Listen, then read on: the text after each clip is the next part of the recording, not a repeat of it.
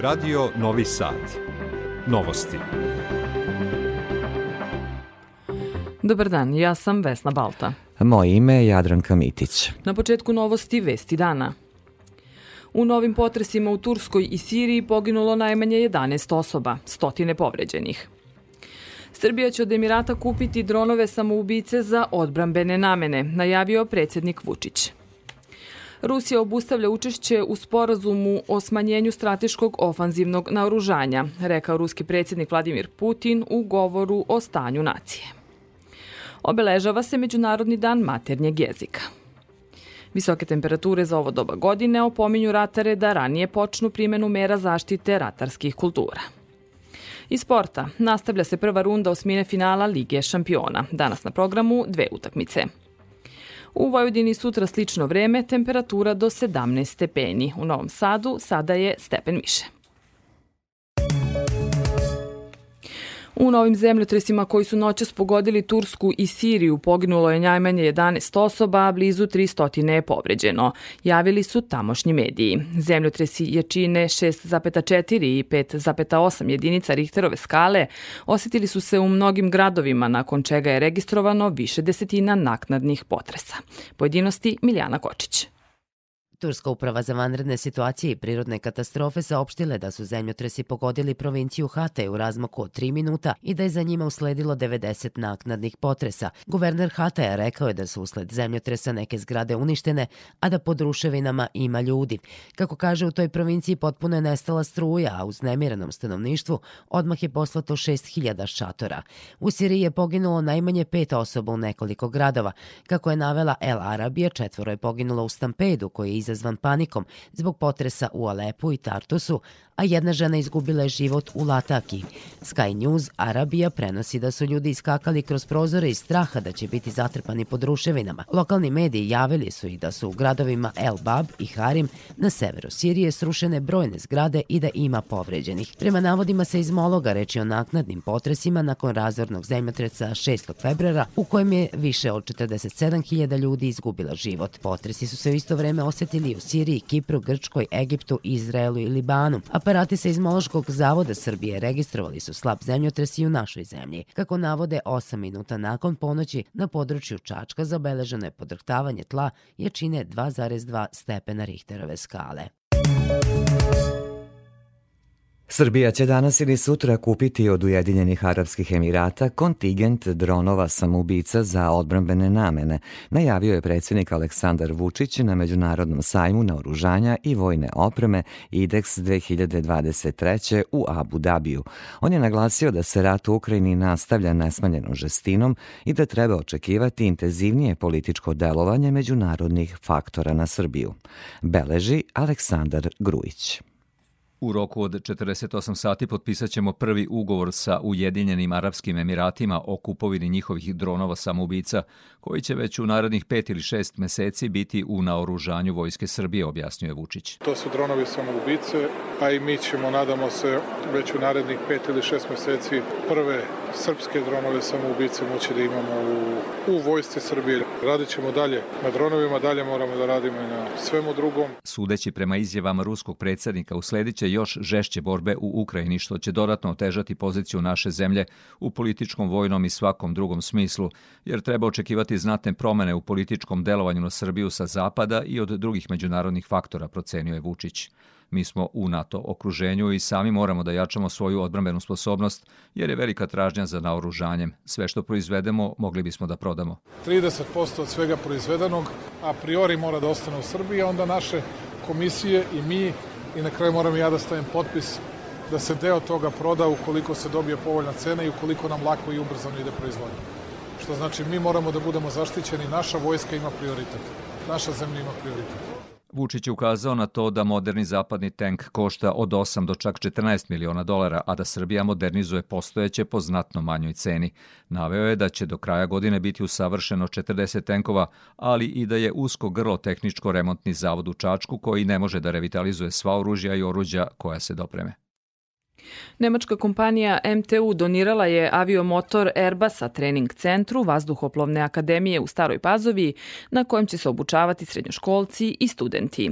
U ručenju donacije prisustvovala je premijerka Ana Brnabić, rekavši da je država u razvoj Vazduhoplovne akademije uložila 377 miliona dinara, a da će u razvoj regionalnog trening centra u Beogradu i Vršcu biti uloženo još 65 miliona evra u narednim godinama. Tako će, kako kaže premijerka, to postati jedini takav trening centar u ovom delu Evrope za koji već ima interesovanja stranaca za studiranje. Kupujemo sve više helikoptera i planiramo i dodatne avione za naše odbrambene snage, za našu vojsku, za naše ministarstvo unutrašnjih poslova. Da imate to, jako je skupo trenirati i obrazovati pilotski kadar koji je potreban i za helikoptere i za avione.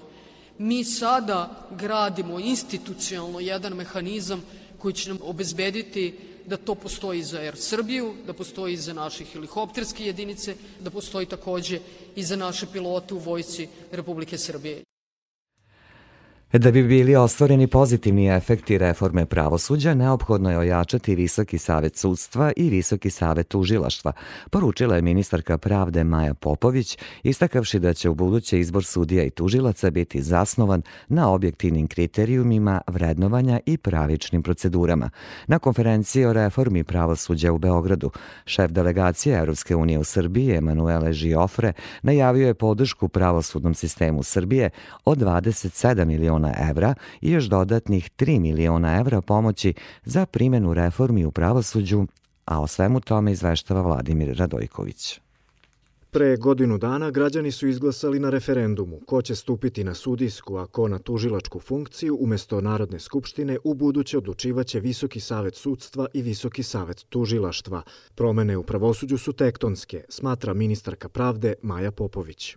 Izmene Ustava u oblasti pravosuđa koje su praćene donošenjem pravosudnih zakona građanima Republike Srbije doneće pravni ambijent u kome će svaki građanin brzo, lako i u razumnom roku moći da ostvari i zaštite svoja prava pred pravosuđem koje je lišeno političkog utjecaja. Da pravosuđe uskladi sa evropskim, podršku Srbiji pružaju Evropska unija, čiji član Srbija teži da bude, i Savet Evrope, čiji član već jeste pune dve decenije – šef delegacije Evropske unije u Srbiji Emanuele Žiofre.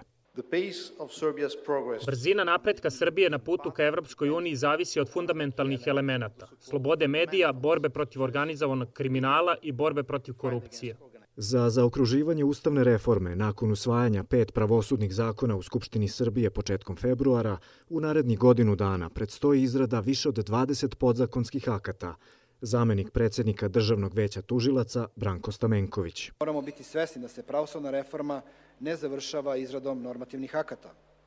Na svima nama je odgovornost da ovu reformu najbolje moguće sprovedemo u praksi. Predsednica Vrhovnog kasacijonog suda i predsednica Visokog saveta sudstva Jasmina Vasović. Mi ćemo u buduće biti ti koji su odgovorni za izbor nosilaca sudske vlasti, za njihovo znanje, posvećenost, integritet, ponašanje i dostojnost. Očekuje se usvajanje još dva zakona o pravosudnoj akademiji i sedištima i teritorijalnoj nadležnosti sudova.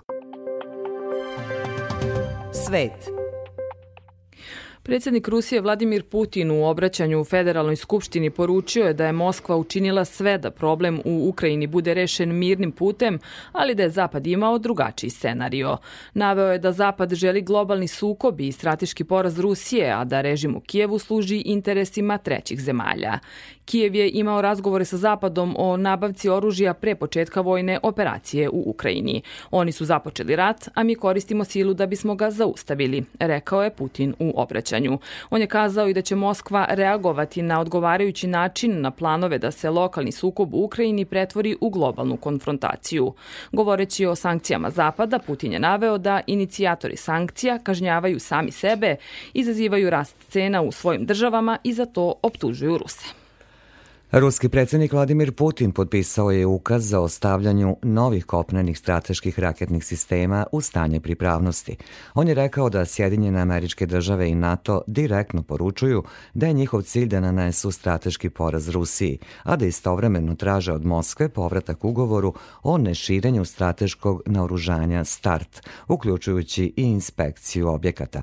Putin je u Federalnoj skupštini rekao i da Moskva suspenduje učešće u sporazumu o tom strateškom ofanzivnom naoružanju, kao i da Ministarstvo odbrane i Rosatom treba da budu spremni da testiraju nuklearno oružje ako to prethodno urade Sjedinjene države. Obraćanje ruskog predsjednika Vladimira Putina ruskoj političkoj i vojnoj eliti pokazalo je da je izgubio dodir sa realnošću, saopštio je savjetnik ukrajinskog predsjednika Mihail Podoljak navodeći da je Putin u potpuno drugoj realnosti gde nema mogućnosti za organizovanje dijaloga o pravdi i međunarodnom pravu. Američki državni sekretar Anthony Blinken kazao je u Atini da je rat ruskog predsjednika protiv Ukrajine strateški neuspeh. Premijerka Italije Đorđe Meloni doputovala je u prvu zvaničnu posetu Ukrajini, a planirano je da se nakon obilaska Buče i Irpinja, mesta kod Kijeva gde su počinjeni zločini nad civilima, sretne sa predsjednikom Ukrajine Volodimirom Zelenskim. Ministarstvo spoljnih poslova Rusije pozvalo je na razgovor američku ambasadorku u Moskvi Lynn Tracy i uručilo joj demarš zbog kako navodi sve većeg učešća Sjedinjenih američkih država u sukobu u Ukrajini. Ambasadorki je rečeno i da Washington treba da preduzme korake da povuče vojsku Sjedinjenih američkih država i NATO-a iz Ukrajine. A u Briselu je održan prvi sastanak u trilateralnom formatu između NATO-a, Evropske unije i Ukrajine. Sastanku u sedištu alijanse prisustvovali su njen generalni sekretar Jens Stoltenberg, visoki predstavnik Evropske unije za spoljnu politiku i bezbednost Josep Borelj i šef ukrajinske diplomatije Dmitro Kuleba. Obećana je dalja podrška ukrajinskoj strani, a Stoltenberg je takođe odbacio tvrdnje iz Moskve da pretnja sa zapada opravdava reakciju Rusije u Ukrajini i izrazio zaprinutost zbog moguće podrške Kine ruskoj strani. Više o tome Ivan Ilić. Reagujući na govor iz Moskve, Jens Stoltenberg je rekao da je iz njega očigledno da se Putin ne priprema za mir, već nastavak rata i nove ofanzive i da je zbog toga neophodno dodatno pružiti podršku Ukrajini. Generalni sekretar Alijanse je takođe pozvao zvanični Kremlj da ponovo razmotri odluku o suspenziji sporazuma o strateškom naoružanju i dodao da više nuklearnog oružja, a manje kontrole čini svet mnogo opasnijim mestom. Tokom prošlih godina Rusija je prekršila ili izašla iz ključnih sporazuma o kontroli oružja. Sa današnjom odlukom cela arhitektura kontrole na oružanje je demontirana. Snažno ohrabrujem Rusiju da opet razmotri odluku i poštuje postojeće sporazume. Visoki predstavnik Borelj je istakao jasno jedinstvo EU, NATO i Ukrajine.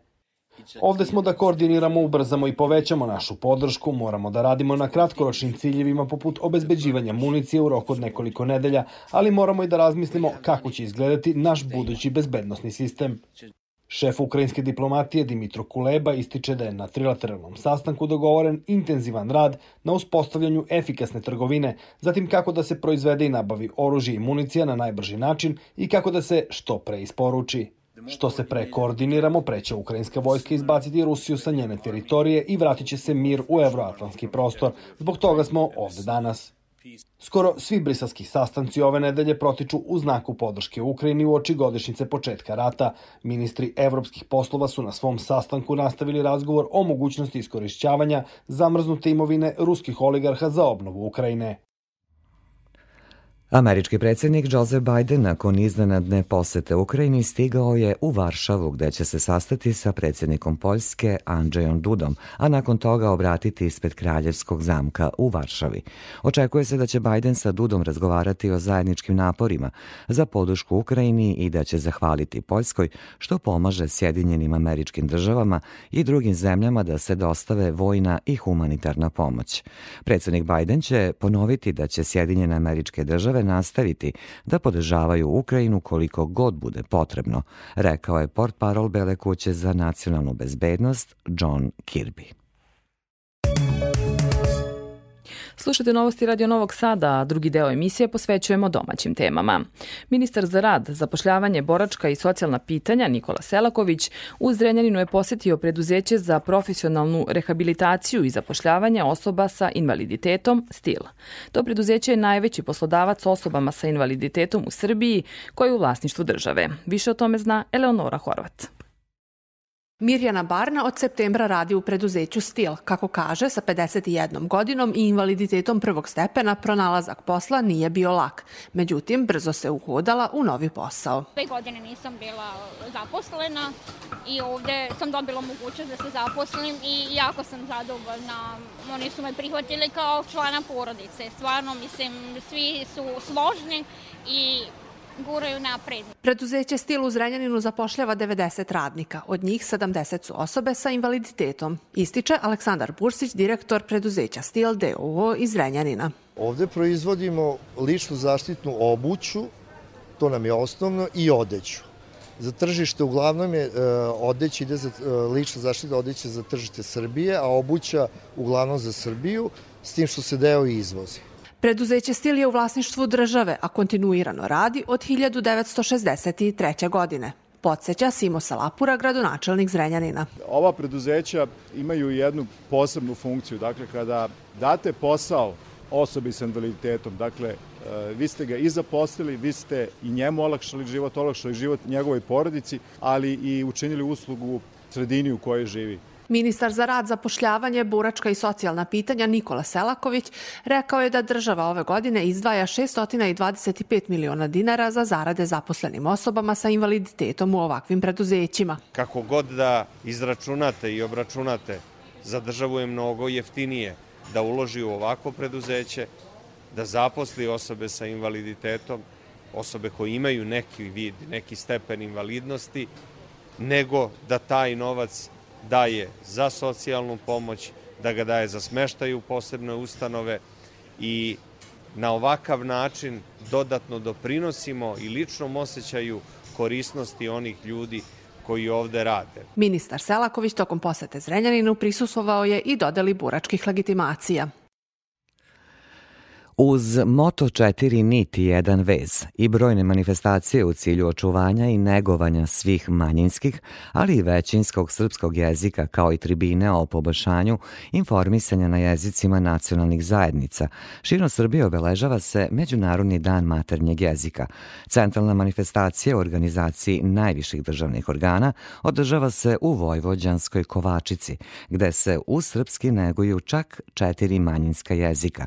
Na univerzitetu univerzitetima širom zemlje organizovane su tribine i skupovi pod nazivom Ranjivi jezički varijeteti, a u vladi Srbije takođe je održan skup povodom ovog dana. Pojedinosti Jasna Kurteš Plavljanin.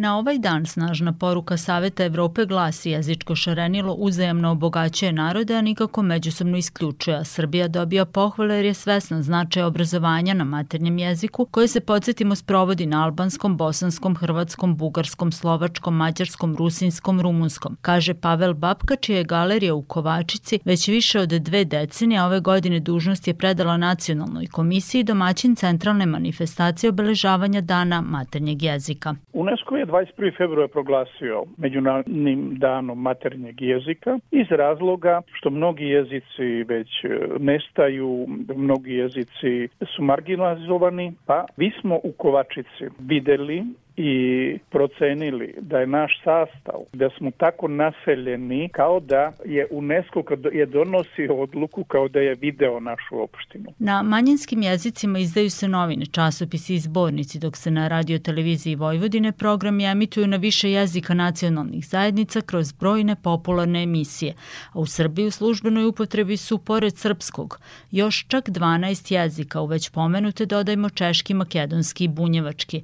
Vojvodina ne neguje i tradicionalne radionice za mališane za učenje jezika nacionalnih zajednica sa kojima živimo, a na tribini u Pančevu posebna pažnja posvećena je ugroženim jezicima sa malim brojem govornika, cincarskom, banatsko-bugarskom, čije negovanje, kako kažu, doprinosi boljem razumevanju i toleranciji. I Savete Evrope poručuju, u perspektivi svaki državljanin Evropske unije osim maternjeg treba da prema lingvističkoj formuli M plus 2 poznaje bar još dva jezika Unije. Danas se proslavlja i Međunarodni dan turističkih vodiča. I Udruženje turističkih vodiča grada Novog Sada obeležilo je taj dan, a ove godine glavna tema bila je obnova i regeneracija profesije. Više o tome Marija Maleš. Novosadski turizam se oporavio od pandemije, kaže Slađana Velendić iz Novosadskog udruženja turističkih vodiča. Covid je zatvorio mnoge turističke agencije, a mnogobrojni turistički vodiči su izašli iz profesije. Umeđu vremenu, mnogi od njih uspeli su da se snađu i da joj se vrate. Zahvaljujući njihovoj kreativnosti i sposobnosti, prošle godine su se reke turista slile u naš grad, a u poslednje vreme ljudi sve više žele da otputuju izvan zemlje. I kao što drugi dolaze kod nas, tako su i naši ljudi počeli ponovo da putuju, možda čak i više nego ranije od silne želje, tako da opet i na tom prostoru se otvaraju nove, nove mogućnosti za za turističke vodiče. Dan turističkih vodiča ove godine Novosadsko udruženje obeležilo je proteklog vikenda besplatnim specijalizovanim turama. Za tu priliku se potrudilo da Novosađanima ponudi više od uobičajenih obilazaka Petrovaradinske tvrđave i gradskog jezgra. Ovaj put smo imali i specijalizovane ture, jednu koja se ticala isključivo jevrejskog nasleđa u Novom Sadu, zatim drugu jednu prav hedonističku turu koja je ljude šetala kroz svet kafana i poslostičarnica kroz istoriju našeg grada i treća, najspecifičnija jeste bila tura kroz Futoški park. Udruženje turističkih vodiča Novog Sada broji 40 članova, među kojima ima ljudi različitih obrazovnih profila, što im objašnjava naša sagovornica da je ogromno polje na kojem mogu da deluju. A naredne minute u novostima posvećujemo poljoprivredi. Visoke temperature za ovo doba godine opominju ratare da ranije izađu na polja i počnu primenu mera zaštite ratarskih kultura, posebno kada je reč o uljanoj repici. Savetuje Vesna Jovančić iz stručne službe Agrozavoda u Vršcu. Detalje donosi Ana Marić. Od početka nicanja do pune vegetacije uljana repica izložena raznim štetočinama i insektima koje napadaju. Početak ranog proleća vreme za primenu prve zaštite. U ovom momentu su aktuelne repičine pipe. Radi se o dve vrste, velika i mala repičina pipa, koje prezimljavaju na parcelama gde je prethodne godine bila uljana repica i vrlo rano, znači to se ove godine desilo već u januaru mesecu, su izašle sa tih mesta prezimljavanja i migrirale na nove useve uljane repice. Njima su potrebne temperature od svega 9 stepeni da bi one izašle sa prezimljavanja i to je i neobično proizvođačima kada ih animiramo u ovom periodu da treba da ih suzbijaju kao rano je, pa da skoro je bilo minusa, noćne temperature niske, međutim one su već u januaru, kao što sam već napomenula, izašle i ušle u nove useve uljane repice. Proces kopulacija je završen kod njih i one su počele sa polaganjem jaja, što je i pravi moment da se suzbijaju. U tom procesu one zasecaju e, lisne drške, a potom i stablo uljane repice i tada i nastaju najveće štete. To kasnije vidimo u vidu pokrivljenih biljaka, znači govorimo o kasnijem periodu vegetacije. Biljke su pokrivljene, ako se zaseče stablo, ono je šuplje,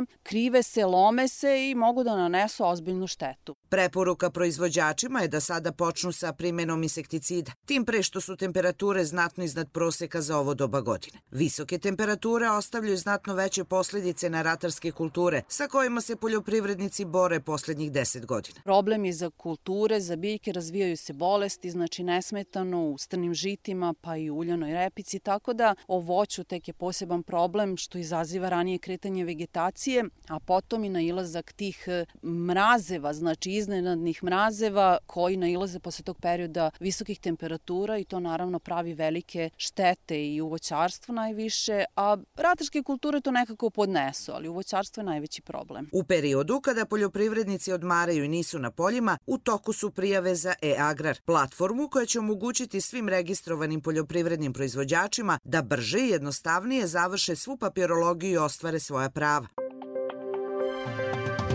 Sport. Utakmicama Liverpool, Real Madrid i Eintracht Napoli od 21 čas nastavlja se prva runda osmine finala Lige šampiona. Naš teniser Laslo Đere plasirao se u osminu finale ATP turnira u Rio de Janeiro, pošto mu je Argentinac Facundo Banjis predao meč pri rezultatu 6-2-3-2. Đere će u osmini finala igrati sa pobednikom meča između Dušana Lajovića i Argentica Davida Švarcmana, koji je na programu u noći između utorka i srede.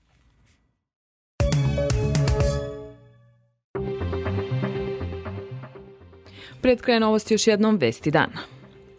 U novim potresima u Turskoj i Siriji poginulo najmanje 11 osoba, stotine povređenih. Srbija će od Emirata danas ili sutra kupiti dronove samoubice za odbrambene namene, najavio predsjednik Aleksandar Vučić. Rusija obustavlja učešće u sporazumu o smanjenju strateškog ofanzivnog naoružanja, rekao ruski predsjednik Vladimir Putin u govoru o stanju nacije. Obeležava se Međunarodni dan maternjeg jezika. Visoke temperature za ovo doba godine opominju ratare da ranije počnu primenu mera zaštite ratarskih kultura.